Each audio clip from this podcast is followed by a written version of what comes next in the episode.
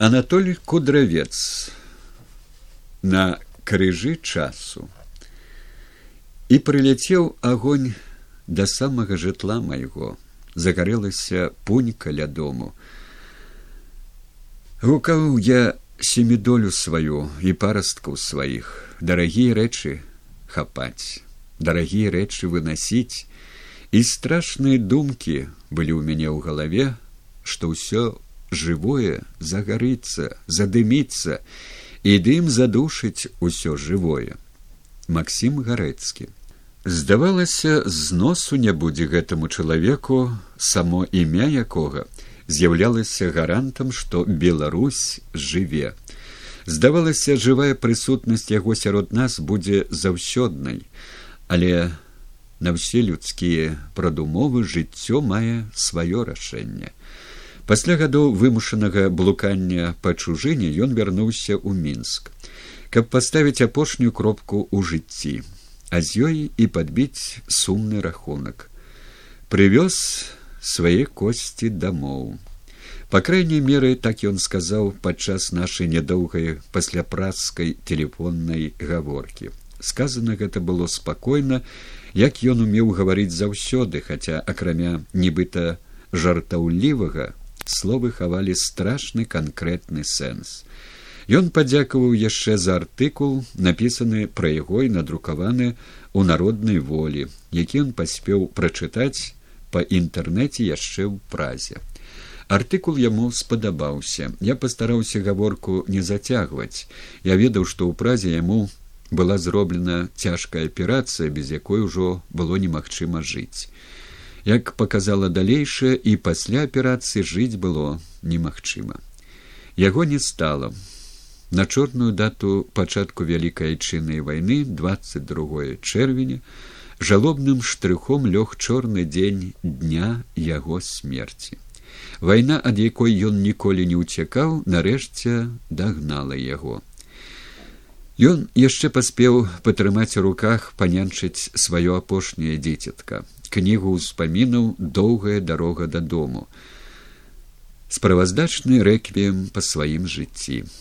І ці толькі па сваім. Выдавецтва владимира лапцёнка зрабіла вельмі своечасовы падарунак пісьменніку ў канцы яго зямной дарогі. Дарога была доўгая праз усё жыццё а жыццё было беларусь Як салдат, які прайшоў вайну і застаўся жывы, ён не любіў урачыстых барабанных маршаў. Ён любіў цішыню. Як чалавек і мастак ён шанаваў усе колеры жыцця. Як патрыёт аддаў сэрца двум: бел чырвона белому, белы колер жыцця, чырвоны колер змагання пайсці і не вярнуцца. Так назваў ён адну з самых трагічных сваіх аповесцяў. Пайсці і не вярнуцца дакляраваў яму яго вайсковы лёс. А ён пайшоў і вярнуўся. Каб прайсці свой жыццёвы шлях до конца а потым пайсці туды адкуль не вяртаецца ніхто. У вечнасць вечнасць не выдае ні грантаў ні медалёў. У яе ёсць толькі адна ўзнагарода памяць. Яна выдаецца пасмяротна. Яна так і называлася на крыжах тая невялікая аб'ёмам у строга цёмнай вокладцы кніжка василя быкова выдадзеная ў 1992 годзе. Назва наколькі лаканічнае настолькі трывожнае як і ўсё у ягоным лёсе як і ўсё ў ягонай творчасці. Гэтую назву можна было б перанесці і на ўсё яго жыццё калі даваць назву жыццю і ў гэтай назве не было б ніякага перабольшвання.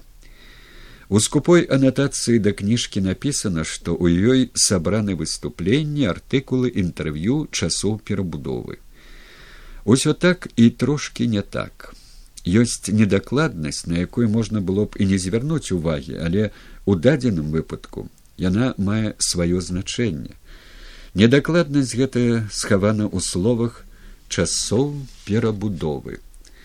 Открывается кніжка выступленнем быкова на пятым з'ездзе пісьменнікаў беларусі гэта лета 1966 году партыйную арганізацыю беларусі узначальвае увасабляе азначыць шмат у чым вызначае напрамак яе ідэалагічнай і гаспадарчай дзейнасці як галоўная кіруючая асоба рэспублікі кандыдат у члены палітбюро цк кпсс пётр машэраў. Энергічны інтэлігентны выйгрышна малады ў параўнанні з дружна старэючым палітбюро увасабляў ён партыйную ўладу і на гэтым пісьменніцкім з'ездзе. Сядзеў як было узаконена ў першым радзе прэзідума побач са старшынёй саюза пісьменнікам петрусём броўкам. Як сёння памятаецца момант калі за трыбуны выйшаў василь быкаў і пачаў гаварыць. Простыя строга вывераныя словы глухаваты напружаны голас. Гаварыў ён пра літаратуру, але і не толькі пра яе. На той час і ў Беларусі ў савецкім саюзе, ды і ў Еўропе добра ведалі быкава пісьменніка, аўтара аповесцяў журавліны крык, здрада, трэцяя ракета, альпійская балада, мёртвым не баліць. Але нават у Беларусі мала хто ведаў быкава публіцыста, быкава прамоўцу, мало хто ведаў пра яго яшчэ адзін талент уменне выступаць умение валодаць аўдыторыі і пасля першых некалькіх фразаў пісьменніка можна сказаць у самым пачатку яго выступлення у прэзідыуме сходу раптам адбыўся непрадугледжаны рытуалам рух. Машэраў дэманстрацыйна устаў хуткім крокам перасек сцэну і знік за кулісамі. Папросту уцёк усе зразумелі. Гаспадар злуецца. Гаспадару штосьці не даспадобы што ж не спадабалася адзначанаму баявой заслужанай зоркай героя партыйнаму фаварыту у выступленні былога фронтавіка артылерыста знішчальніка нямецкіх танкаў? Ці можа былы партызан не зразумеў былога фронтавіка зразумеў але не хацеў разумець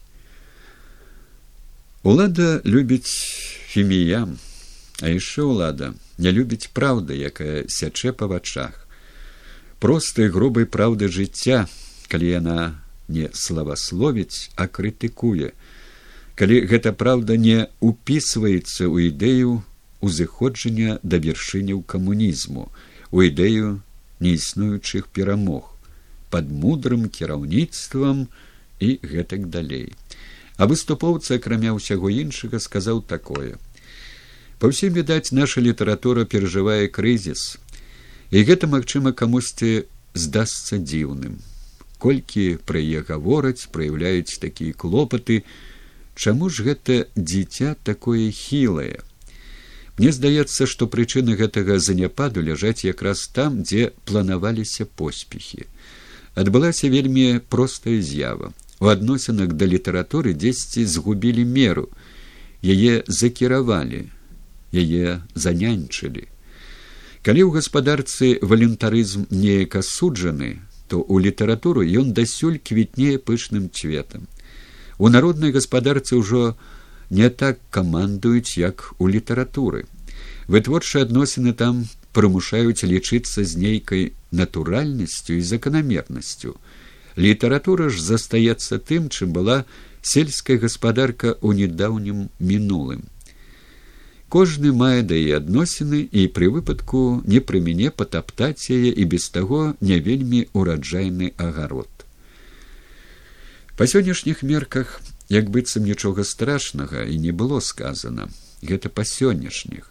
Хаця б таму што сёння пытанне літаратуры ўладу мала цікавіць або цікавіць настолькі наколькі яна пяе асанну яе палітыцы і не перашкаджае ўладзе тварыць сваё.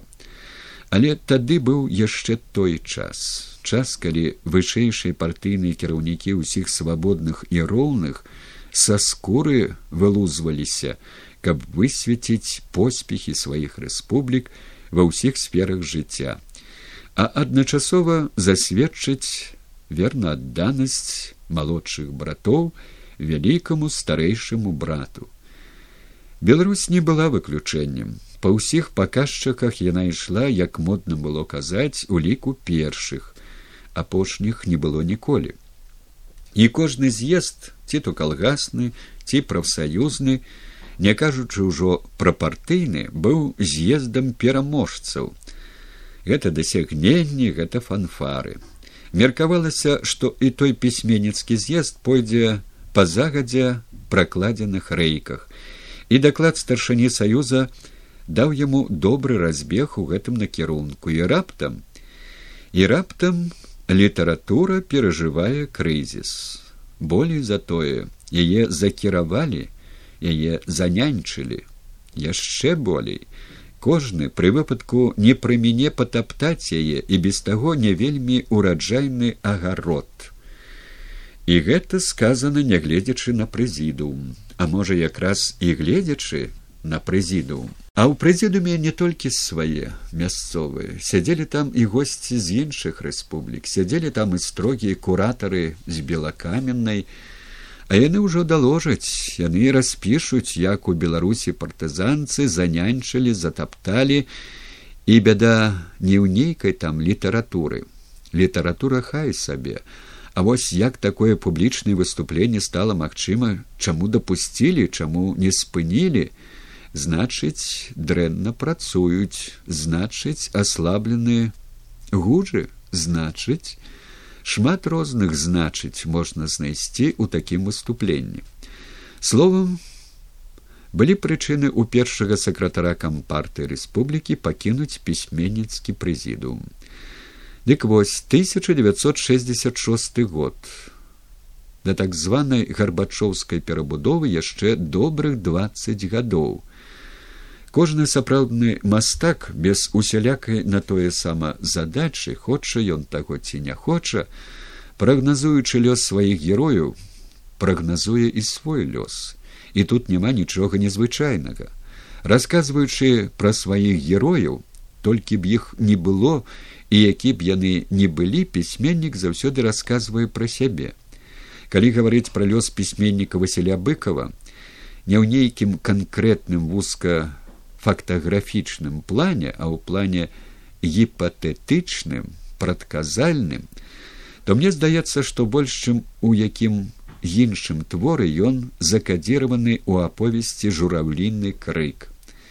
У такім тлумачэнні жураўліны крык мне яўляецца адным з самых аўтабіяграфічных твораў празаіка.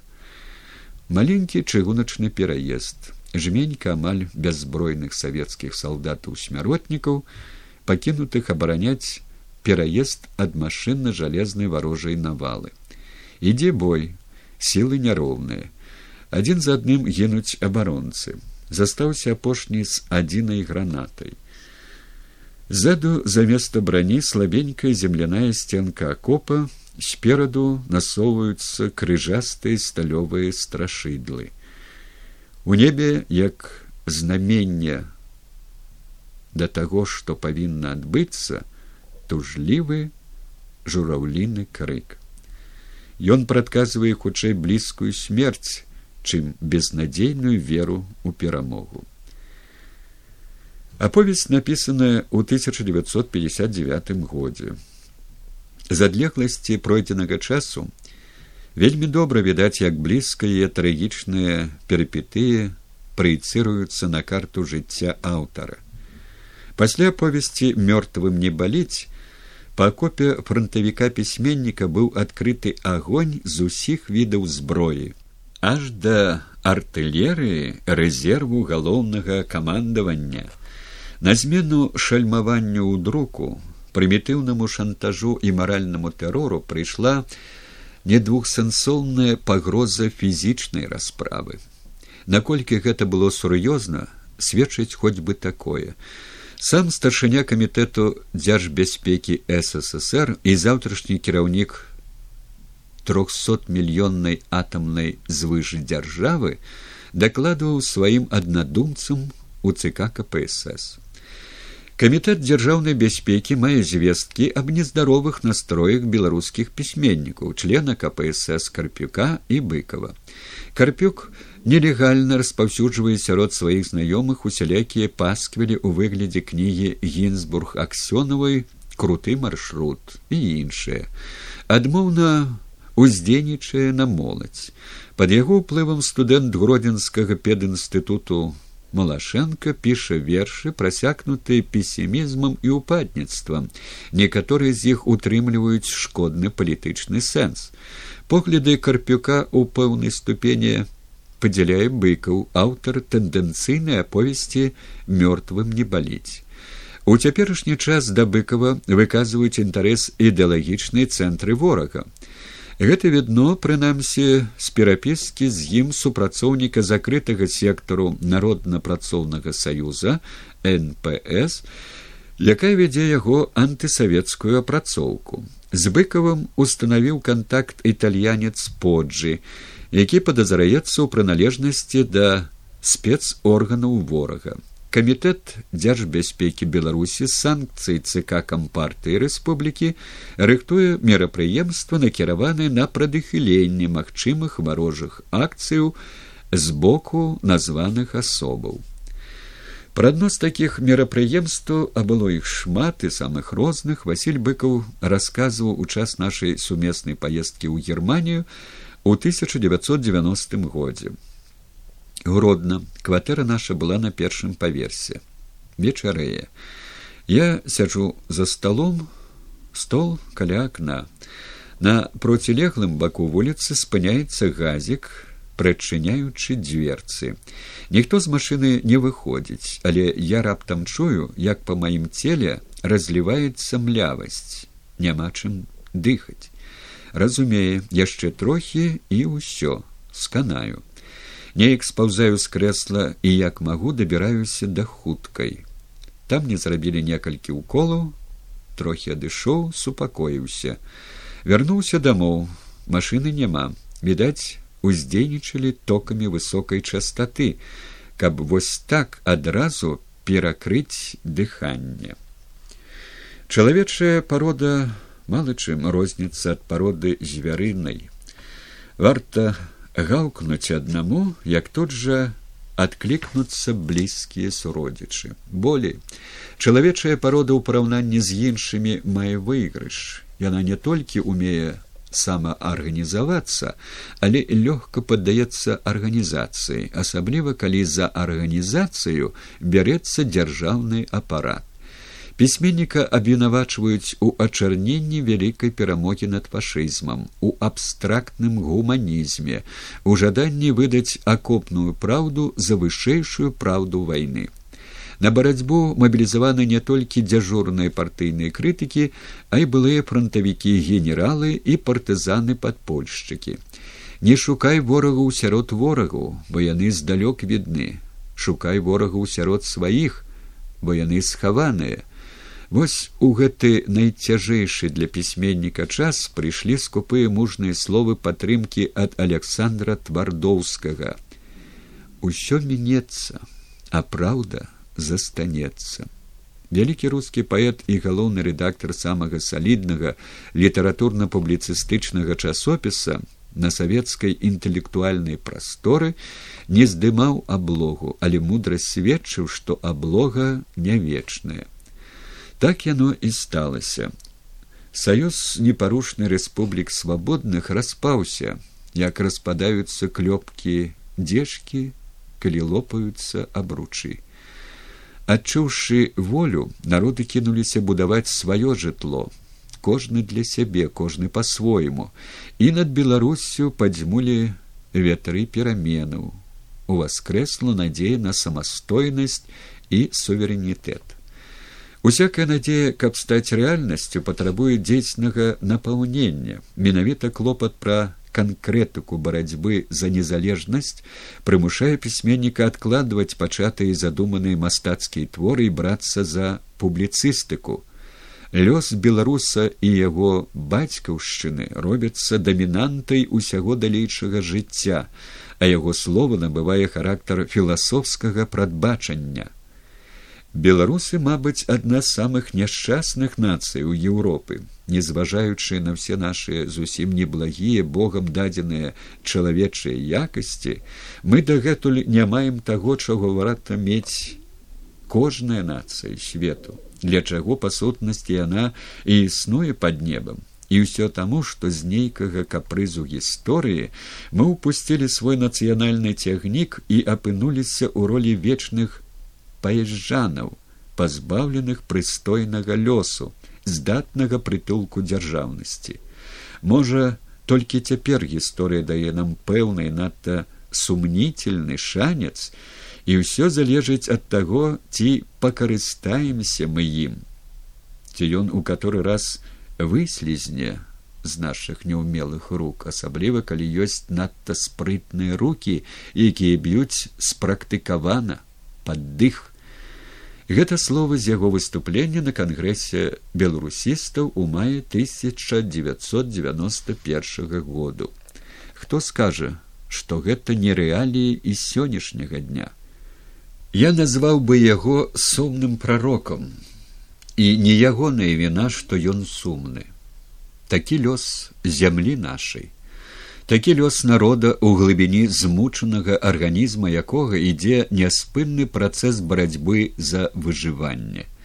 Гэта не працэс выпадковага самазагарання а працэс перадачы агню як эстафеты працэс які гістарычна ніколі не спыняўся.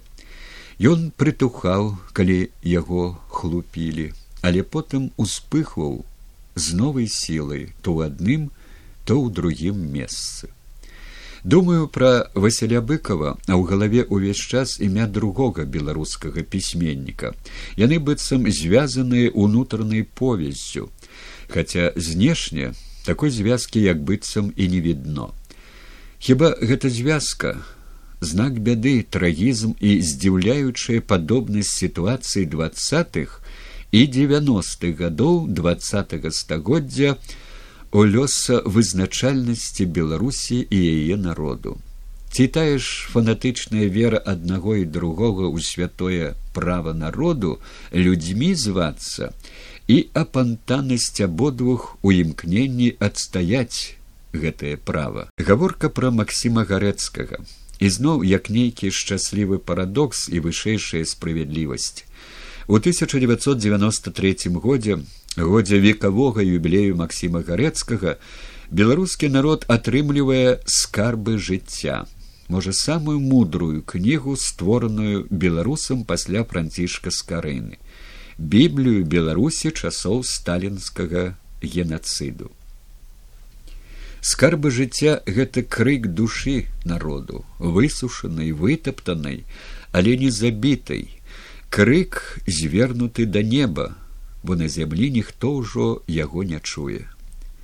Судзі мяне судзі мяне кожны і усякі судзі мяне судом сваім і кожным і усякім карай мяне карамі сваімі карай толькі прашу цябе не выбірай з маіх худых і кволых рук гэтага маленькага пучочка васількоў а выб'еш буду азірацца на іх з сумам і жалем вялікім перавышаючы мае слабыя сілы як мне забыцца на іх пакінутых там адзаду на дарозе у пылі і брудзе на цярнёвай дарозе якой народ мой ішоў як яны своечасова уваскрэслі гэтыя скарбы жыцця? Нібыта у піку сталінскім і сённяшнім актывістам што гатовыя прадаць усё і зямлю і народ і душу яго мову беларусь у яе гісторыі часта і ў многім абыходзіла шчасце.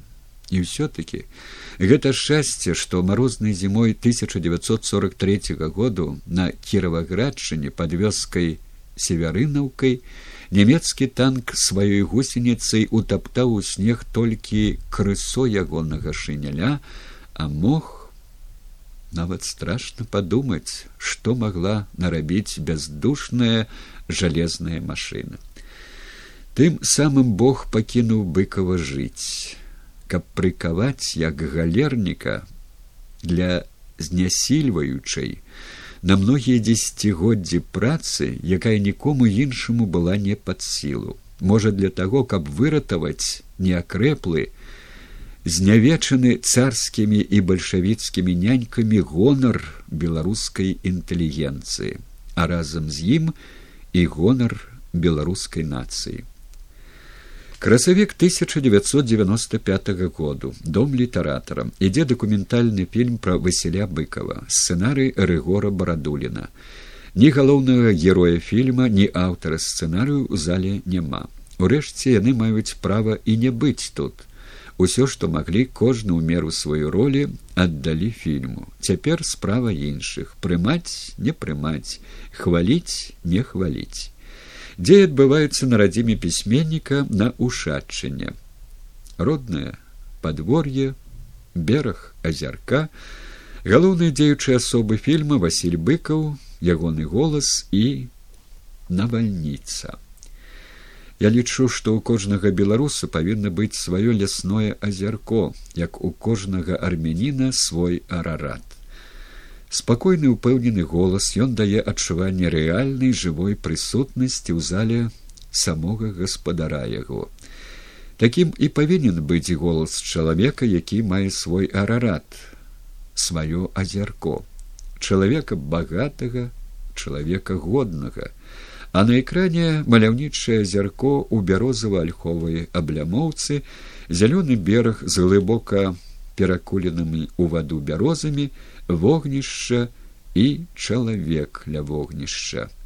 І чалавек гэты василь быкаў. Найбольш уразіла навальніца якая раптам як па заказе разгулялася над возерам і яго ваколіцамі. Гром маланкі вода сапраўднае светапрастаўленне у эпіцэнтры якога бронзавы чырвоны твар пісьменніка под капюшонам плашча па якім лупіць дождж і струменямі сцякае ўніз. Не дождж, а потоп. Ён запоўніў усю прастору, залівае зямлю, залівае вогнішча. Адразу відно, што гэта натуральная стыхія, сама маці прырода, а не арганізаваная бранспойта кіношная навальніца. Стыхія бушуе, як процівага ёй хрыплаваты голас пісьменніка. Ягоны твар у бела-чырвоных водблісках ягоны напружаны позірк. Ягоны роздум узрост якому цэлая эпоха. Агонь вода і чалавек так і просяцца і медныя трубы. Медных трубаў не відно але адчуваецца што яны ёсць і недзе надта блізка. Усё тут прырода і невядома што большее ці гэты чалавек са сваім жыццём роздумам ці гэтая стыхія са сваёй прыгожай і страшнай разбуральнай сілай. У зале мы сядзелі побач з віктором каваленкам выйшлі таксама разам ідём у бок праспекту з карыны нейкі час маўчым перадумваем фільм. А быкова мала. Нарэшце робіць сваё крытычнае рэзюме Віктор Антонович як гэта ён умеў коротко строга з інтанацыяй шкадавання ў голасе. Мала. Відаць яно так. А колькі трэба каб не было мала кожны чалавек велічыня невымерная і колькі не раскажы пра яго заўсёды будзе мала. А калі чалавек гэты мастак пісьменнік філосаф на вачах якога і праз лёс якога прайшлі радасныя і трагічныя старонкі гісторыі народа гісторыі роднай зямлі прайшлі і праходзяць. Шмат напісаў быкаў шмат напісана пра яго і сумленнага справядлівага з разуменнем душы і таленту пісьменніка яго чалавечых памкненняў і права на іх. Шмат напісана подлага брыдкага пра што і ўспамінаць не хацелася бо куплены ўсё гэта кан'юктурай і нянавісцю да яго бескапрамісна нязменнай мастацкай грамадзянскай пазіцыі не хацелася б але жыццё вымагае усходняя мудрасць гаворыць жорстка Сабака брэша, а караван ідзе. У каравана далёкі маршрут і свая мэта, але і каравану спакайней ісці без звяглівага сабачага галашэння. Большое видится на расстаянии. Гэта аксіёма, як і тое, што веліканы не ваююць з карлікамі, але бяда вось у чым. Побач з вялікім малое здаецца яшчэ меншым, адсюль і зайздрасць, і злосць, і помслівасць, за сваю карлікавасць і непаўнацэннасць. Шырока распрацаваны крытыкай і стэеатыпна устаяўся літаратуразнаўчы вобраз пісьменніка Васяля быкова. Вобраз пісьменніка як сумарны люстраны адбітак партрэтаў яго герою. Што Васіль быкаў гэта чалавек крэмень, чалавек маналіт, чалавек цвёрдага сэрца і холоднага розуму.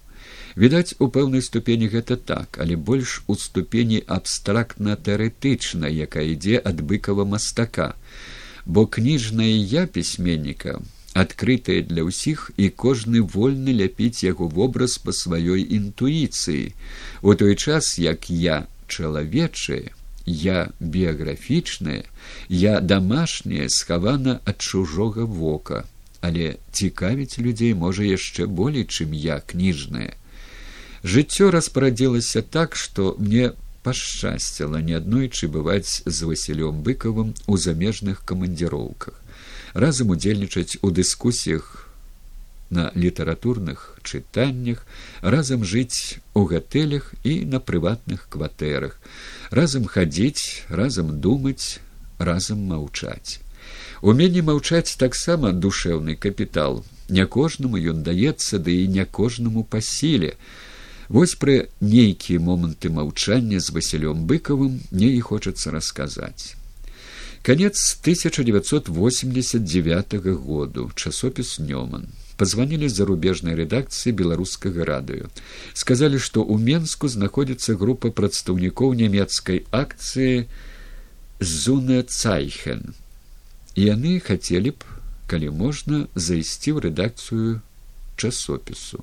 Чаму ж няможна Не ў той раз, а трохі пазней я даведаюся, што стаіць за гэтым словам зуна цайха, якой у перакладзе азначае выкупленне. А стаяла за ім немнога не мала прызнанне народам германії сваёй гістарычнай віны ў злачынствах нямецкага нацыянал-сацыялізму. Гэтае глыбокае асэнсаванне і нялёгка перажытае прызнанне стала галоўным адпраўным пунктам пры стварэнні акцыі адсюль выкупленне выкупленне вины.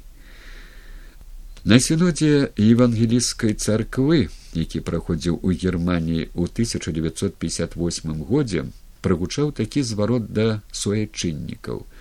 Мы немцы распачалі другую сусветную вайну і ўжо тыя самым болей за іншых вінаваты ў невымерных людскіх пакутах. У сваім злашкодным паўстанні супраць Бога немцы загубілі мільёны яўрэяў.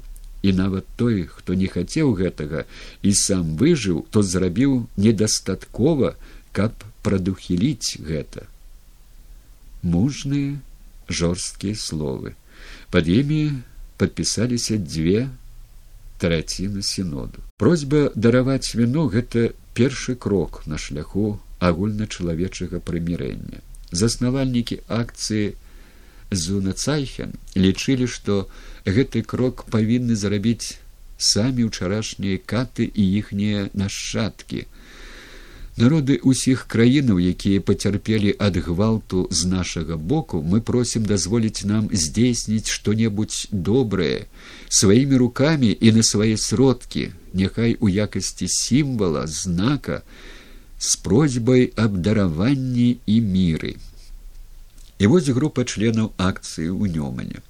Ідзе нязмушаная гаворка пра жыццё пра вайну пра чарнобыль пра літаратуру адзін з актывістаў акцыі хрыстаў хоймднер пісьменнік аўтар некалькіх кніг навелістыкі.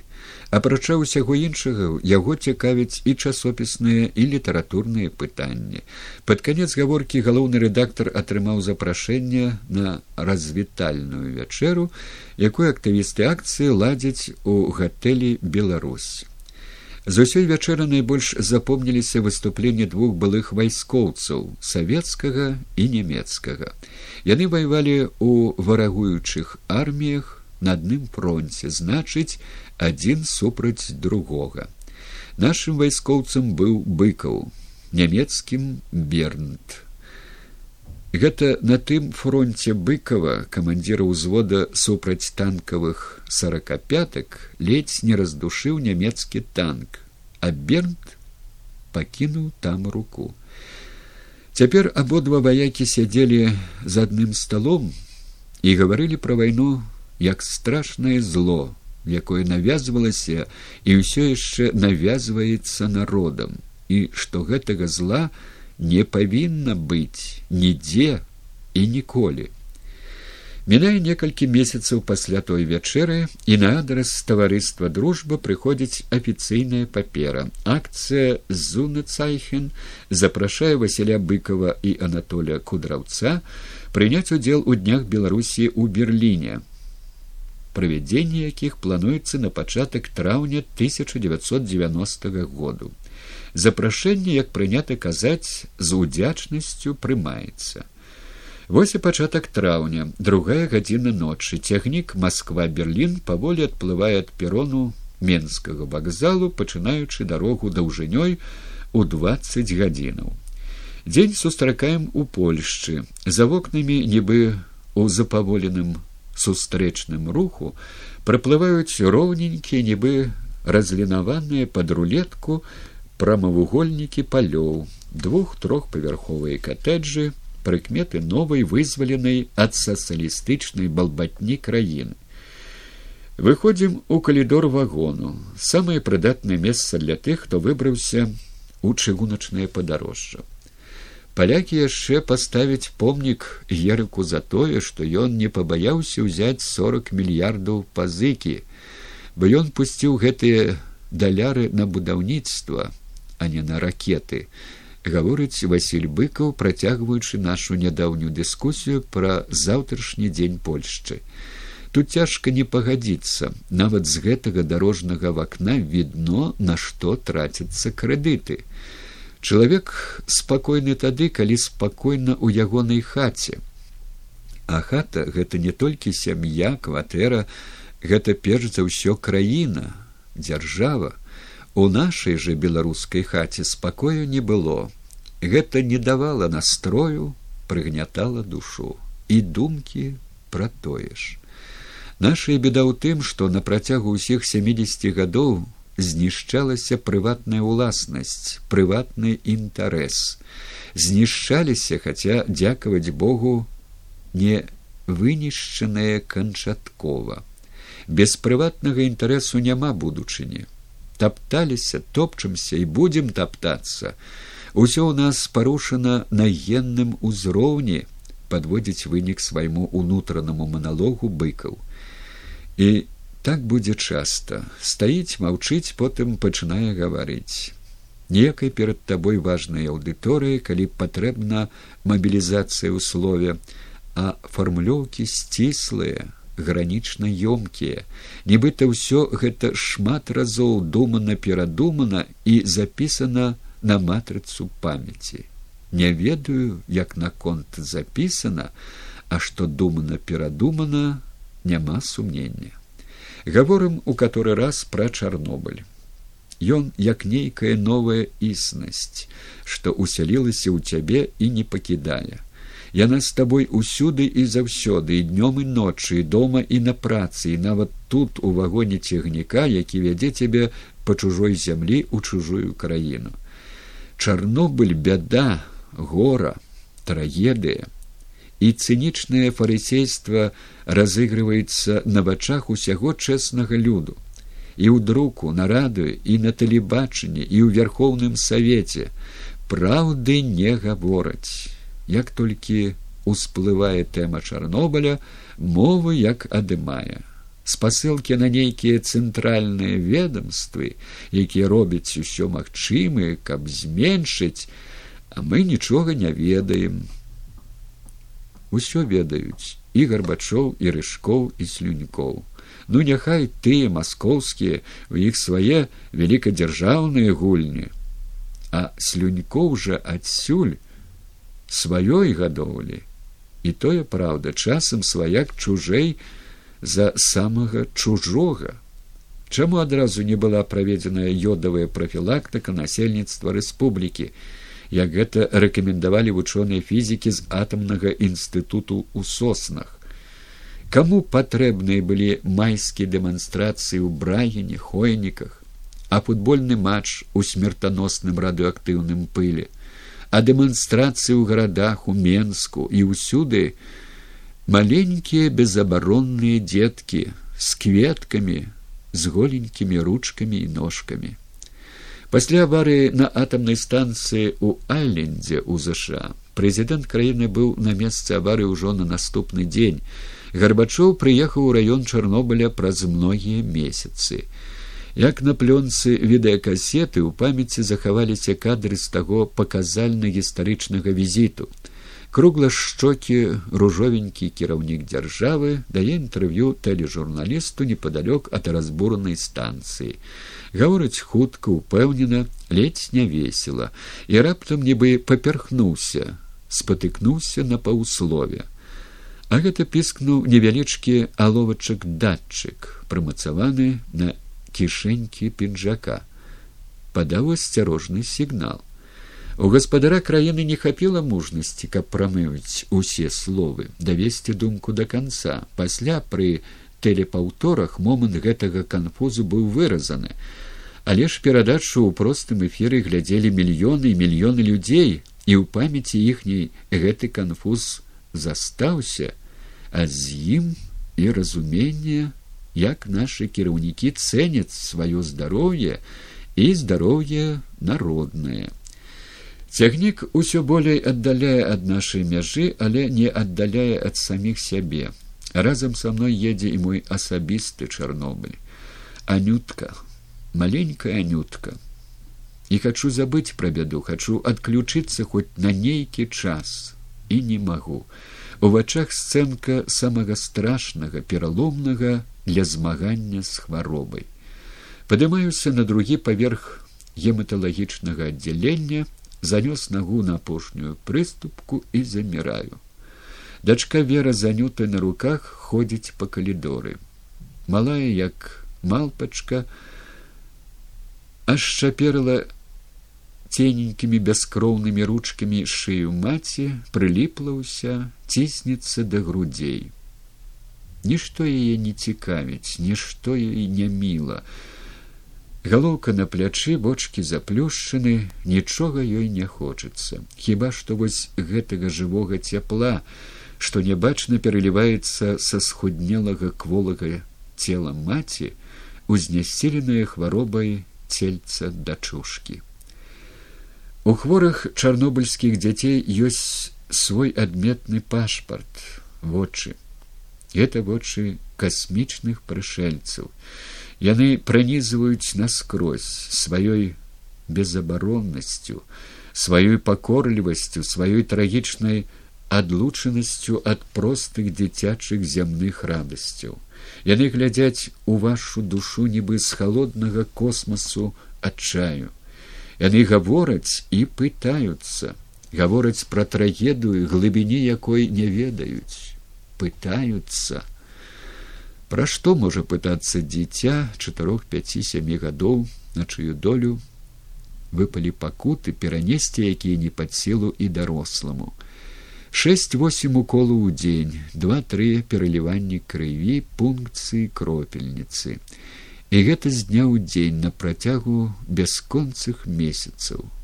І гэта толькі пачатак пачатак лячэння разлічанага на гады у канцы якіх таксама невядомасць кажу пра лейкознікаў хаця усе дзіцячыя хваробы страшныя кажу пра тых у каго белая кроўка белыя тварыкі і лысенькія ад апраменьвання галоўкі. Сабою германію я ўзяў медыцынскія аналізы, карты лячэння, заключэнні спецыялістаў. Узяў яшчэ адзін страшны дакумент фото анюты, зробленыя пасля чарговага сеансу хіміятэрапіі, з голай без адзінага валосіка галоўкай і не па-земному сумнымі вачыма. Я баяўся глядзець на гэтае фото, баяўся паказваць, а ўзяць узяў. Не ведаю, на што я разлічваў. Ні на што не разлічваў. Было нейкае цьмянае спадзяванне, нейкая глухая надзея, спадзяванне на Бога, на цуд, на дабрыню чужых людзей чужой краіны і, вядома, на дапамогу быкава. Я не ведаў, як у якой форме яна можа праявіцца, але мне здавалася, што яна абавязкова праявіцца. Гэта мае сённяшнія развагі. А тады мы стаялі побач ля акна вагона і я шукаў у сабе смеласці каб сказаць і пра сваю бяду. Пра чужую гаварыць прасцей а тут у самога вочы як у тых чарнобыльскіх дзяцей адважыўся сказаў. Рэакцыя была імгненнай. Пракашлівання глухаваты голас. Ну вядома вядома а як жа? Відаць быкаў ведаў пра маю бяду а можа і думаў. У берліне на вакзале сустрэў хрыстав хоймднер. Мешкаватыя штаны шырокі ў клетку пінжак над якім востры рыджаватая бародка і вясёлыя жывыя вочы загружаемся ў міцубісі пад'язджаем да замежнага шлагбаума. Думаю ну зараз пачнецца. Хто што куды чаго як у нас у брэсце. Не хрыстаў паказвае пашпарт нешта тлумачыць памежнік пальца под казырок. Год праязджай. Два зігзага падобныя павароты гэта каб машына не праскочыла з разгону. І мы ў заходнім берліне значыць у заходняй германії значыць на захадзе. Гатэль багота шлютарштрасса сорок пять невялічкі утульныя нумары ложак шафа крэсла умывальнік. Усё разлічанае на тое што чалавек тут надоўга не затрымліваецца. Цэлы дзень займаецца сваімі справамі сюды вяртаецца толькі каб пераначаваць начуем і мы. Прачынаюся ад птушыных галасоў. Спачатку падумалася што гэта містыфікацыі ці радыёжарт тыпу сігналу пад'ём. Выглянуў у вакно. Невялічкі абмежаваны квадратам будынка дворык некалькі дрэўцаў якіх хапае каб птушкі адчувалі сябе спакойна і утульна. Традыцыйны гатэльны сняданак пасля сняданку прагулка па курфюрстэндам самай прэстыжнай самай дарагой вуліцы берліна. Блішчыць шкло вітрыну блішчаць тавары ў вітрынах блішчаць тавары ў крамах Ужо ў сем гадзінаў раніцы ля крамаў пачынаецца актыўнае жыццё. Мыюцца вітрыны, мыюцца прылаўкі, даходзіць чарга да падлогі, потым да дзвярэй, потым да тратуару перад крамай. І ўсё гэта са шчоткамі з мылам з шампунем. Уздоўж вуліцы прыпаркаваныя машыны, адна ля адной, адна за адной ты паглядзі толя на машыны быццам толькі што з канвеера а ім жа і па тры і па пяць гадоў паспрабуй знайсці хоць дзве аднолькавыя і па колеры і па дызайне у быкава асаблівая любоў да машынаў як да нечага жывога гатовы ля кожнай спыніцца дакрануцца пагладзіць прылашчыць. І спыняецца і дакраняецца і гладзіць адкашліваецца працягвае еўропа гэта адзін вялікі кірмаш ім трэба чысціць і ўдасканальваць свае вітрыны а не думаць пра вайну думаць пра мастацтва яно у іх пайшло ў бок дызайну стала прыкладным да патрэбаў чалавека не ведаю як уся еўропа а берлін заходні берлін сапраўды не горад а вялізны кірмаш. Зайшоў магазин і не выходзячы можна купіць усё ад іголкі да аўтамабіля. Па цэнтры вуліцы над скверам узвышаецца фігурна уздыбленая і распалавіненае круглаполае цела. Ці то гіганцкай змяі ці нейкай іншай падобнай на змяю істоты. Не адразу зразумееш што гэта такое але хочацца прыпыніцца паглядзець. У гэтакай форме скульптару убачылася разрэзанае па-жывому цела германії цела берліна. Ну што ж хутка краі гэтага цела зноў сыдуцца зліюцца разам а там і зарубцуюцца. Гісторыя жыве ў памяці а лепшая памяць матэрыяльная рэальнасць тое што можна ўбачыць пачуць адчуць. На гэтай жа вуліцы побач з магазинам еўропа цэнтр чатырохпавярховай каскай для дзяцей і дарослых узвышаецца будыніна старога касцёлу. Некалі велічны прыгажун з чырвонай цэглы імкнуўся вострымі шпілямі высока ў неба сабраўшы вакол сябе як настаўнік малых дзяцей пяці шасці павярховыя будынкі бліжэйшых вуліцаў. У час адной з бамбёжак у 1943 годзе цяжкая бомба як ножом по косой лініі зрэзала верх касцёлу такім і застаўся ён абезгалоўлены укарочаны больш чым на трэць падобны на гіганцкі снарад за разарванай галоўкай вежай берлінцы не сталі аднаўляць яго закансервавалі у тым скаверканым выглядзе як яго пакінула вайна адно прыкрылі дахам ад дажджу і снегу. Можна шмат расказваць пра вайну і чалавек мала што зразумее мала што адчуе. А можна прывесці чалавека да гэтага касцёлу калекі і нічога не гаварыць. Ідзі і глядзі глядзі і думай. Скалечаны будынак. Усярэдзіне белы мармуровы хрыстос з адбітай асколкам рукой чорна-белыя фотаздымкі ваенных гадоў вось адзін з іх над разломамі сценаў касёлу шэрае зімняе неба а ўнізе людзі на каленях шмат людзей і пастар чытае малітву людзі глядзяць на неба людзі моляць бога. Аб чым яны моляць а недзе ж праз некалькі тысячаў кіламетраў у беларусі таксама разбомленыя церквы і там людзі таксама моляць бога.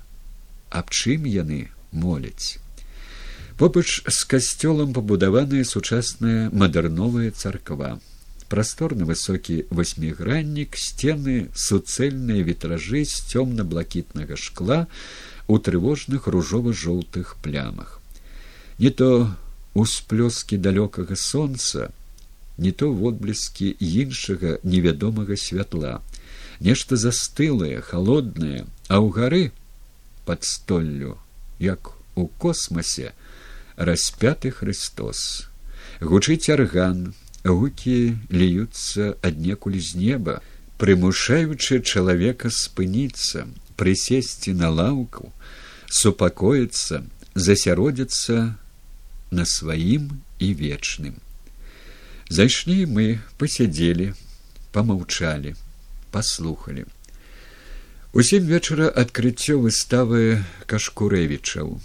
Мастакі хвалююцца, то нешта паправіць, то нешта перавесіць. І вось шум заціхае, гаворацца традыцыйна ў такіх выпадках прамовы, у меру сціслы у меру дзелавыя. Добра што стала магчыма такое. Беларусы едуць да немцаў немцы едуць да беларусаў. Удзельнікам урачыстасці хочацца хутчэй прайсціся па памяшканні кірхі бліжэй і спакойна зірнуць на развешаныя жывапісныя графічныя работы плён творчых пошукаў двух пакаленняў знакамітай сям'і старэйшага і маладзейшага У апошнія хвіліны ўрачыстасці прыязджае ольга алейнікова загачацца менскага дзіцячага гематалагічнага цэнтру. Яна толькі што з франкфурту на майне узбуджаная нервовая месца сабе не знаходзіць. На яе плечы рэспубліканскае міністэрства аховы здароўя ўзваліла адзін з самых цяжкіх клопатаў вайну з дзіцячымі лейкозамі можа самым страшным што прынёс беларусі чарнобыль. Як чаўнок снуе яна па заходняй еўропе. Германія аўстрыя швейцарыя. Сама і доктар і заказчык і дыпламат. Каму бяда а каму дзве бяды. У самалёце па дарозе з Масквы ў Франкфурт аднаму з хворых дзяцей, якіх везлі ў клініку Гёта, стала зусім дрэнна. Дзіця давезлі жывым, але ўрачы ўжо нічога не маглі зрабіць. Маці і мёртвае дзеці. Сярод чужых людзей, без мовы, без грошай. У Менску ім не памянялі ні капейкі. Пазванілі з франкфурту у савецкае консульства ў кёльнь гэта за двести кіламетраў ад франкфурту там адказалі сёння ніхто прыехаць не можа прыедуць заўтра а да заўтра болей сутак вось ён яшчэ адзін чарнобыль. Казённы паўсядзённы савецкі работнікі клінікі не сталі чакаць калі прыедуць і ці прыедуць наогул консульскія служкі сабралі грошы і для маці і на труну і на перавоз цела дамоў гора не любіць дыпламатыі гора любіць спагаду. Сустрэча з журналістамі ў офісе агенства друку навіны. Прысутнічаюць прадстаўнікі заходнегерманскіх газетаў радыё. Тэма гаворкі ўсё тая ж чарнобылі прайшло чатыры гады пасля выбуху на атамнай станцыі. Што зрабіў што робіць урад каб ліквідаваць вынікі аварыі каб зменшыць наступствы катастрофы? Што зрабілі што робяць на словах нешта робяць на самой справе амаль нічога. Бо ўсё што робіцца гэта так мізэрна так вымучана так непаслядоўна вось і мы тут у берліне паспрабавалі нешта зрабіць нешта расказаць нешта патлумачыць. Чарнобыль гэта крызіс савецкай сістэмы але гэта не толькі савецкі крызіс гэта крызіс і еўрапейскі і сусветны. І выйсці з яго можна толькі ўсім разам супольнымі намаганнямі гаворыць василь быкаў. Журналісты пагаджаюцца ківаюць галовамі сярод пытанняў да быкова і такое. Як вы ўспрынялі крытыку культу асобы? Нормально я ведаў што гэта будзе рана ці позна. Я перажыў вайну і перажыў яе на перадавой у акопах. Я шмат пабачыў і шмат пра што думаў. І я ведаў што гэта рана ці позна будзе. Зноў пытанне. І не сказаць што рытарычныя і не сказаць што аўтарам іх нешта балела ці то абыякавасць ці то вяласць ці то стомленасць ім надакучылі нашы скаргі просьбы подводзіць рысу быкаў мусіць яно і праўда надакучылі але куды дзецца горка хадзіць па свеце з працягнутай рукой але бяда прымушае трагедыя дзяцей трагедыя людзей трагедыя цэлага народа генацыд часоў перабудовы. Сустрэча з групай евангелійскіх пастараў актывістаў акцыі суна цайхен. Сэрца сустрэчы хрыстав ён яе арганізаваў сабраў усіх у кучу пазнаёміў хто ёсць хто. Быкова многія ведаюць чыталі рады сустрэцца з ім пагаварыць атрымаць аўтограф. Сустрэча ідзе нязмушана твар у твар вочы ў вочы. Адчуваецца што у гэтых людзей не проста цікавасць да чарнобыльскай бяды а цікавасць прадыктаваная міласэрнасцю жаданнем дапамагчы. Адзін з маладых пастараў гаворыць што яго абшчына сабрала двадцать тысячаў марак і гатова перадаць іх для набыцця дазіметраў для чарнобыльскай зоны беларусі наступае цішыня усе глядзяць на быкова чакаюць што ён скажа ён гаворыць яно то так можна і на дазіметры але іх у нас пачалі ўжо выпускаць. А ці нельга гэтыя грошы пусціць на канкрэтную акцыю, набыццё лекаў ці лячэнне канкрэтнага чалавека, цяжка хворага на лейкемію. Толя, дзе там у цябе было фото? Я дастаў анюціна фото, яно пайшло па крузе, і кожны доўга трымаў яго ў руках, узіраўся ў яго быццам нешта хацеў прачытаць. А што акрамя хваробы адчаю і надзеі можна было прачытаць на тым фото. Я ні на кого не глядзеў, не мог глядзець. Адно толькі чуў, як моцна б'ецца сэрца. Ніколі ні да гэтага, ні пасля я не чуў, каб так білася. Словы быкова сталі тымі словамі, якія вырашылі лёс тых тысячаў марак, а з імі лёс маленькай дзяўчынкі на потам дзяўчынкі з сумнымі неземнымі вачыма. Едзем у стары цэнтр Берліна, рэйстах, брандербургскія вароты, трэптон парк. Усё гэта знаходзіцца ва ўсходняй зоне, але экскурсійныя аўтобусы з заходняга Берліна прапускаюцца бесперашкодна. Можа таму, што лёс берлінскай сцяны ўжо вырашаны, яе зносяць. Можа яшчэ і таму што на дварэ сорок пяты май пасля вайны. Бранденбургскія вароты ў рыштаваннях ідзе рэстаўрацыя. Трэптаў парк у маладой зелені і нязвыклай для вялікага горада цішыні аля рэйхстагу маўклівай шарай аграмадзіны са светлымі латамі пазнейшага бетону на сценах і калонах якім замазваліся сляды ад куляў і асколкаў веруе жыццё шмат турыстаў шмат берлінцаў людзі ходзяць глядзяць на манументальны і нязрушны ў сваёй масіўнасці будынак на цёмныя воды даволі шырокай шпрэя усе нібы ў чаканні нечага важнага што вось вось павінна адбыцца. Не ведаю пра што думаў василь владимирович калі мы ішлі паўз рэйхстах па нізе шматлікіх на шырыню ўсяго будынка прыступак галоўнага пад'езда. Тут жа на кожнай прыступцы ляжала па десять пятнадцать наших хлопцаў толькі і сказаў ён глухім здаўленым голасам. У час штурму берліна загінуў ягоны стрэечны брат мікола. Можа і ён ляжаў на адной з гэтых прыступак а можа на дарозе да іх сам василь владимирович у тыя дні ваяваў у аўстрыі. Непоалёку ад сцену рэйстагу людзі арганізавалі кірмаш. Прадаецца берлінская сцена. Не сцяна цалкам а яе долі яе асколкі. І людзі ахвотна плоцяць три пять марак каб узяць у руки і пакінуць на памяць кавалак раструшчанага бетону таго бетону які раздзяляў берлінцаў раздзяляў немцаў раздзяляў германію раздзяляў свет.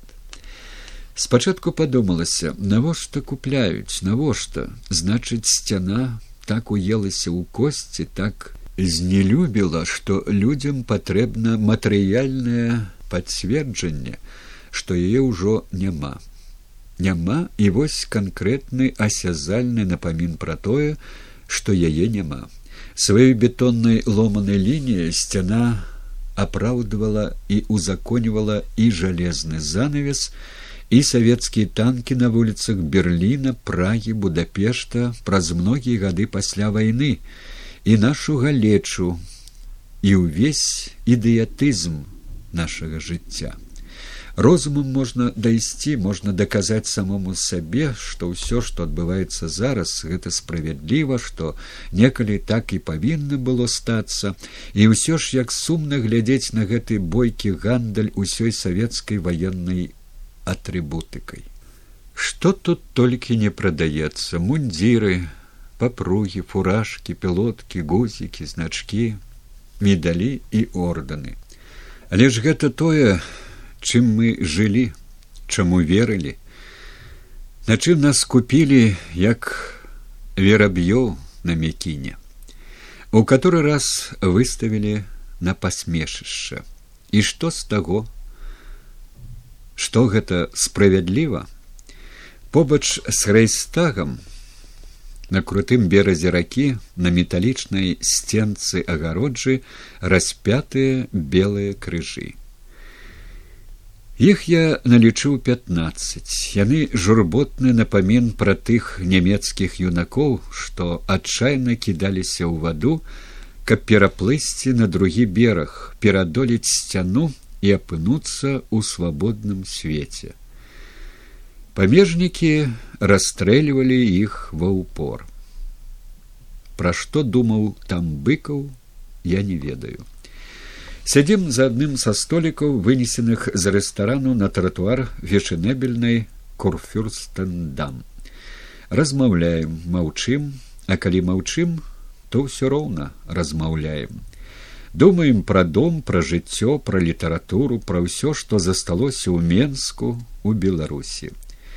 Ад жыцця не ўцячэш яно у тваёй крыві яно ўсюды з табой няхай галоднае няхай беднае але каб не такое дзікае не такое беспрасветнае а то і галоднае і беднае і такое дзікае василий владимирович вы столькі поездзілі по свеце столькі побачылі а жонка ваша ирина михайловна хоть раз ездила з вами не Э нават няма замежнага пашпарту. Падумаў, помаўчаў. Ведаеш, як бабулю расстралялі ў курапатах. Бабулі тады было семьдесят два гады, сказаў ізноў замоўк. Ім бы гэтым беларускім пісьменнікам радавацца, што яны ў вольным горадзе, што сядзяць за чыстым столікам, што п'юць халоднае пеністае нямецкае піва, і што падае яго добразачлівы паслужлівы афіцыянт ні табе мату ні табе бруду. Ім бы адчуваць сябе вольна хоць часова забыўшыся на свае клопаты і трывогі.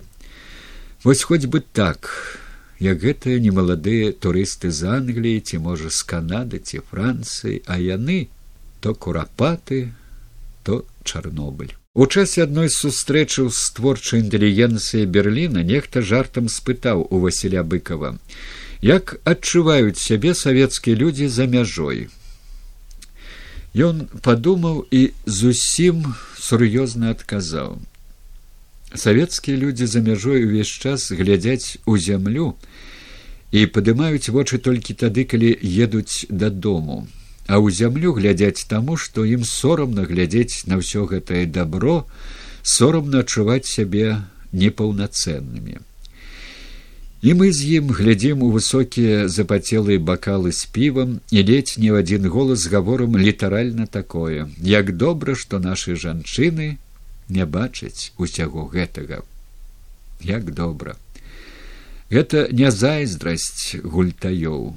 Суседавы куры нясуць большыя яйкі ці багатаму чорт дзяцей калыша. Гэта не тады што гэта ціхі позні вечар. У прыродзе супакоенасць і лагода. І сярод гэтага быкаўская болей за ўсё мне шкада нашых інтэлігентаў нацыянальных падзвіжнікаў.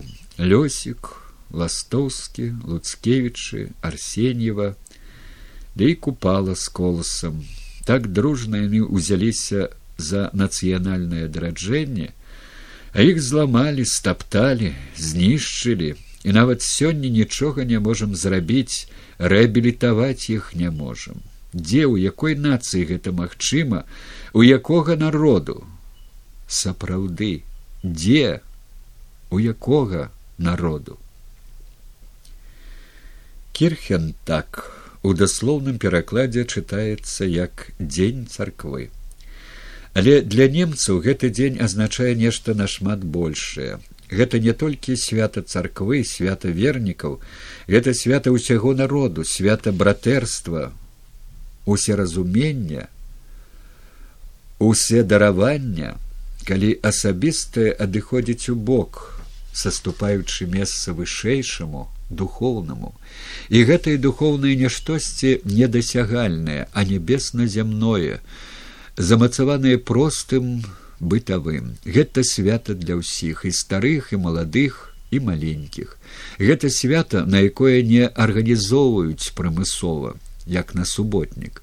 Гэта сямейна дзяржаўнае свята на якім ніхто ні ад кога не залежыць. І ўсе залежаць ад усіх.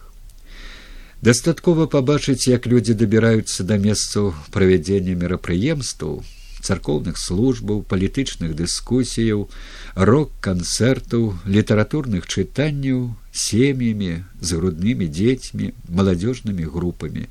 Аўтобусы вагоны электрычак забітыя як у нас у разгар летні дачнага сезону.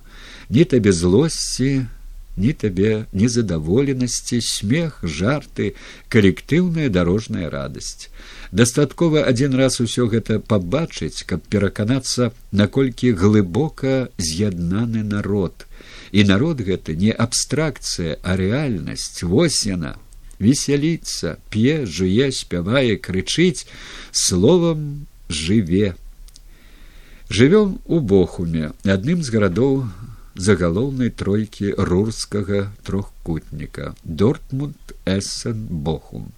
Рурскае жалеза рурская сталь. Гэта з нейкае далёкага жыцця школьнага пасляшкольнага. Пра што гаварылася пра што чыталася што як страшылка засела ў памяці. А тут зусім іншае. Чалавечае. Чалавечнае. Людзей на кірхен так наехала шмат. Месцаў у гатэлях не хапае ды не ўсім гатэль па грашах. Яшчэ ноч другую а на цэлы тыдзень. Арганізатары кінулі кліч да мясцовых. Хто каго возьме? Кліч быў пачуты. Нас з быкавым прытуліла сям'я шмітаў ускраена гораду маленькая на некалькі дамоў тупіковая вулачка. Перад уездам у яе сціплы указальнік на памін. Прыват значыць мой наш. Дом гараж дорожка між дамоў вулачка таксама. Пасялілі нас у сутарэнь. Паўпадвальны паверх над ім яшчэ два. Там і жыве сям'я шмітаў муж жонка дачка з гаспадармі мы можна сказаць і не сустракаліся. Вставалі сняданак арбата кава сыр каўбаса масла ўсё ўжо было на стале. Вярталіся вечарам яны ўжо спалі. Под канец кірхен тагу шмітты наладзілі развітальны прыём. Літаратурна-музычны вечар у гарадскім музеі цэнтры зацягнуўся за поўнач але гаспадары спаць не клаліся чакалі нас. Святочна накрыты стол букет кветак віно розныя закускі гаворка пра ўсё але перш за ўсё пра тое як там у нас у вайсрусланд. Як у нас? Сказаць што добра нельга. Сказаць што блага? Доўга гаварыць давядзецца. Так у нас так гляджу на васяля владимировича і бачу нешта не тое. Гаварыў гаварыў і раптам замоўк на паўслове пачаў задыхацца. Цап лап па кішэнях і хутчэй уніз у сутарэнь. Праз некалькі хвілінаў вяртаецца ціхі спакойны крыху бледны. Аказваецца перад прыёмам ён перапрануў кашулю а варытавальная машынка інгалятара засталася ў старой добра што недалёка добра што. Гаспадары здаецца так нічога і не зразумелі. О божа! Ірмачка так ласкава прыгожа заве хрыстов нашу перакладчыцу. Гэта калі добра ладзіцца работа калі добрае надвор'е наогул калі ўсё добра ірмачка высокая баяльная светлавалосая дзяўчына з нашых савецкіх бацькі яе патомкі нямецкіх каланістаў што некалі прыехалі ў латвію і аселі там. Цяпер і брат з сястрой і маці і сама ірма тут у заходняй германії ірма добра ведае нямецкую мову вядома латышскую рускую слабей беларускую актыўна супрацоўнічае зоненцайхен пастаянна філалагічнай працы пакуль што не знайшла ды да і знайсці яе няпроста і гэтае супрацоўніцтва дае узаемную выгаду і акцыі і ёй. Ірмачка сёння едзем за горад на ванзею гаворыць хрыстов. Ірма усміхаецца згодна ківае галавой. Едем усё тое ж сямейнае хрыстава міцубісе за рулём гаспадара хрыстов цудоўна валодае рулём выключна ведае дарожную геаграфію берліну і ўсёй германіі. І сядзець з ім побач калі машына ў яго руках адно задавальненне. Мой выратоўца мой збавитель з ласкай у голасе гаворыць василь владимирович і ківае на шафёра. Шафёр усё гэта чуе але мавучыць заняты сваёй работай а быкаў расказвае ці то по выдавецкай справе ці то па нейкім іншым запрашэнні ехаў я цігнюком сюды ў заходнюю германію колькі можна было паспаць паспаў і цяпер чытаў газеты якіх набраў у дарогу. Вядома не звярнуў увагу на тое што некалькі разоў уключалася радыё ў купе і на тое што яно гаварыла. Цягнік набліжаўся да польска-нямецкай мяжы рэчы былі сабраныя і я чакаў чарговай пагранічнай працэдуры. Але пагранічнікі чамусьці не спяшаюцца а наш состав заганяюць у нейкі тупик людзі пакідаюць вагоны. Бачу нешта ненармальнае. Цікаўлюся што здарылася? І мне тлумачыць у германії забаставалі чыгуначнікі і состав далей не пойдзе. Воздык штука. Сяджу думаю як быць знаёмых няма валюты няма білета назад няма. Тым часам адключылі электрычнасць. На дварэ зіма снег сітуацыя. Сяджу у цемнаце пять хвілінаў десять што рабіць? І раптам чую ляснули дзверы вагона і голас. Быкаў! Дзе ёсць быкаў? Тут быкаў. Во ён быкаў! Выходжу у калідор і божа хрыстап як ён даведаўся што я еду як перасек на машыне некалькі граніцаў як знайшоў тупик у якім стаяў состав дзе мёрз быкаў. І па сёння я не ведаю. Быкаў заканчивая рассказ пазіраю лістэрка што ў салоне машына перад шафёрам. У лістэрку вочы хрыстафа. Іх позіркі сустракаюцца усміхаюцца. Паняцце за горад для берліна чыста умоўнае куды не паедзеш усюды горад і ўсюды за горадам зелені будынкі будынкі і зелень. Разумнае суіснаванне цывілізацыі і прыроды. Хвілінаў тридцать язды па вуліцах і мы вырываемся з гарадской зоны праязджаем па зялёным калідоры сапраўднага старажытнага лесу зварочваем з аўтастрады і заязджаем на невялікую забетаваную пляцоўку што прыцёрлася да глухой сцяны састаўленыя ўпрытык звараныя і залітыя ў пазах растворам стандартныя чатырохметровай вышыні жалезабетонныя пліты. З такіх плітаў і складаецца знакамітая берлінская сцяна. Яна ідзе па зямлі, паўтараючы зігзагі дзяржаўнай мяжы, лінію будынкаў, каналаў, дарог. Колькі разоў праязджаючы ў цягніку, даводзілася бачыць з акна вагона гэтую сцяну, але там яна ўспрымалася як натуральны элемент, а тут мы стаялі перад іншай сцяной, грубай, непрыгожай, недагледжанай. Хрыстаў махнуў рукой паклікаў за сабой. Некалькі метраў возенькай сцежкі між зялёных кустоў і перад намі адкрыўся круглы дыяметрам з метра ці болей пралом у сцяне прабіць такое акно ў жалезабетоне паселі хіба што вялізнай чыгуннай бабе ці сучаснаму танку услед за хрыставам пралазім у акно перасякаем паласу ў заранай глыжаватай зямлі, якую яшчэ нядаўна ахоўвалі гэдэраўскія пагранічнікі з аўчаркамі і аўтаматамі і трапляем у прахалодную цішу звычайных вясковых могілак. Не ведаў бы, што знаходзішся ў германіі можна было б падумаць, што трапіў на могілкі нейкай нашай беларускай вёскі.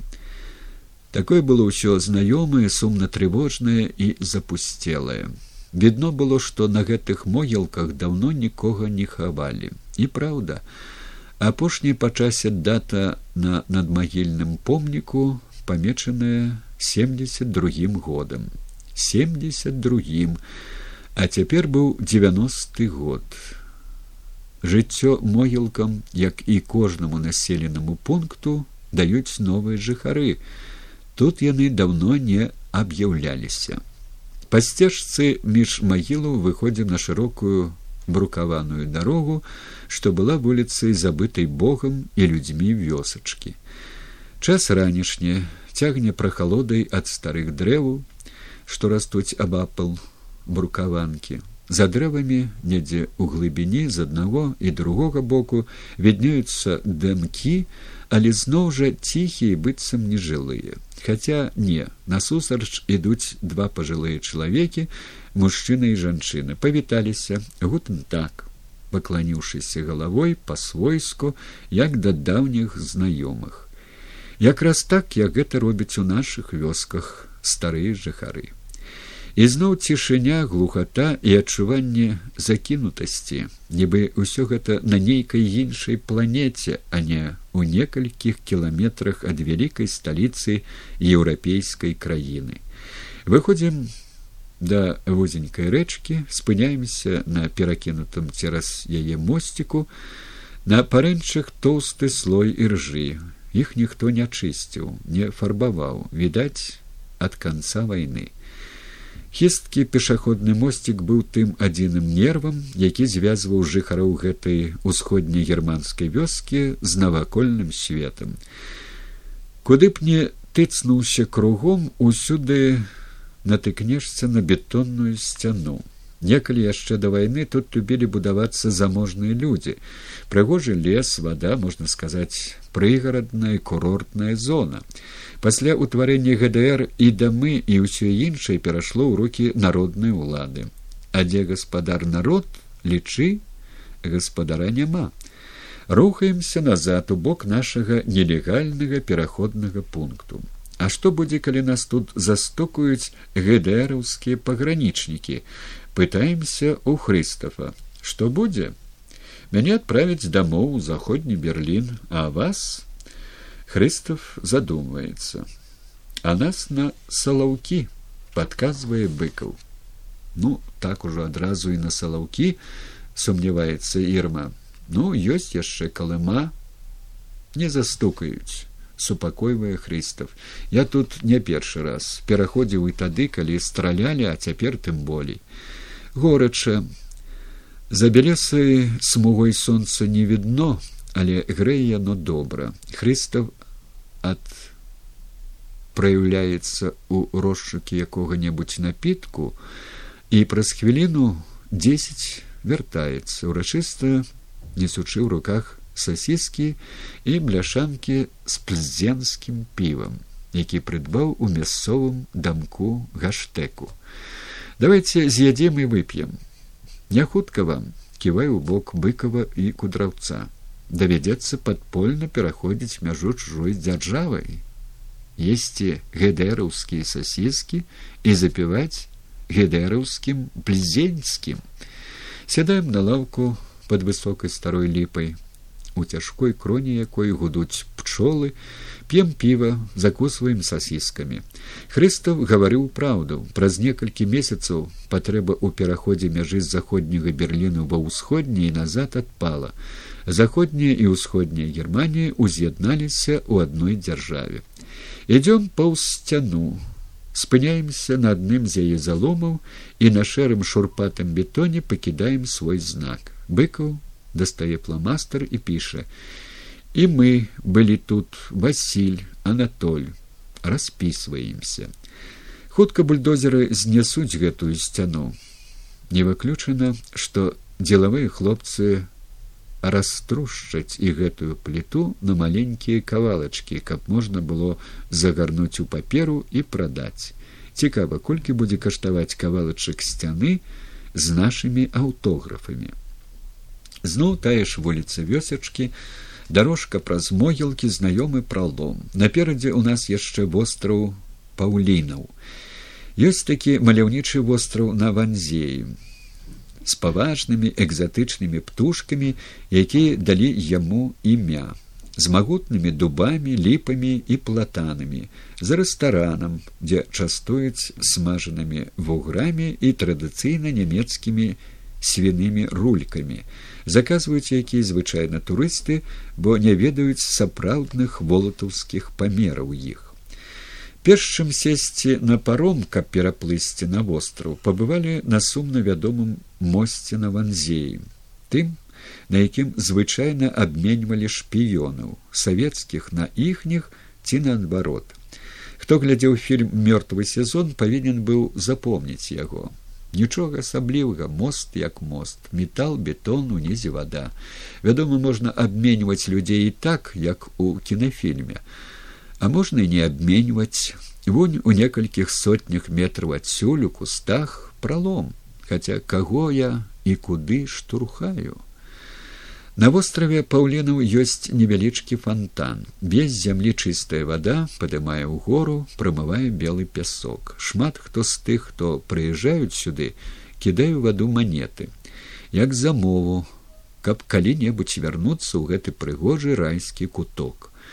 Усё дно фонтана, як рудою луской укрыта гэтымі манетамі. Кінуў туды і я некалькі фенішкаў паглядзеў як яны мякка ляглі паверх чужых і абмытыя вадой слюдзяна заблішчэлі. Кінуў з тым жа спадзяваннем як і ўсе і недарэмна. Прыехаў туды я яшчэ і раз і два. Быў ужо іншы час. Германія правярала вартасць і надзейнасць дэмакратычнага гарнітуру пашытага для цэльнага нямецкага нацыянальнага цела а маленькая анюта набірала сантыметры і кілаграмы здароўя упарта змагаючыся за права жыць на гэтай планеце. Аперацыя берлінская сцяна мела свой працяг. Чамусьці мне здаецца, што менавіта ў тую ціхую майскую раніцу на ванзеі быкаў адчуў той цёплы сардэчны штуршок, які прымусіў яго расказаць пра іншую сцяну.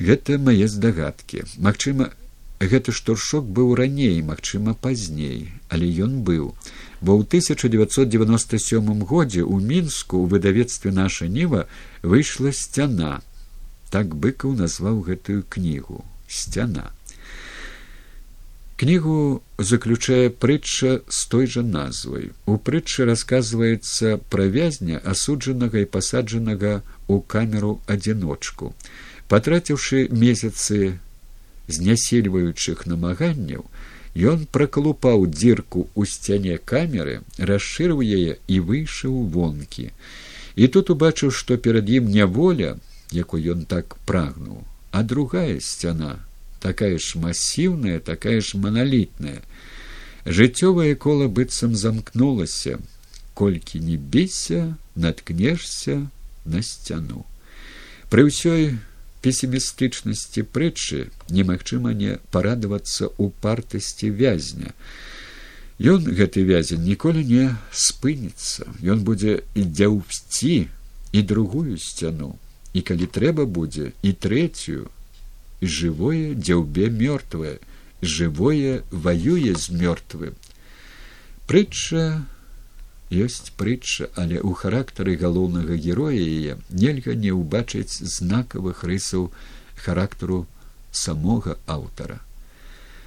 Быкаў быў патрэбны беларусі заўсёды, але асабліва патрэбны ён цяпер у гэты змрочны час, калі беларускі народ зноў стаў закладнікам палітычных гульняў маскоўскіх і тутэйшых камбінатараў калі над краінай навісла пагроза страты незалежнасці а значыць страты самой сябе.